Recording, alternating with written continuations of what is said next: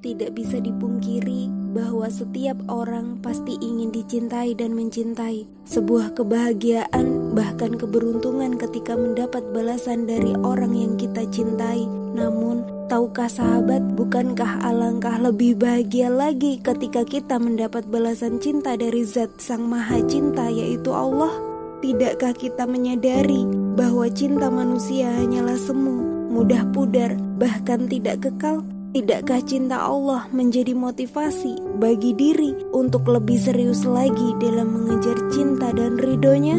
Sahabatku, yuk bersama-sama meraih cinta dan ridho Allah dengan bertakwa kepadanya, yaitu dengan menjalankan perintah Allah dan menjauhi larangannya. Cukuplah cinta Allah yang kita kejar, bukan cinta selainnya.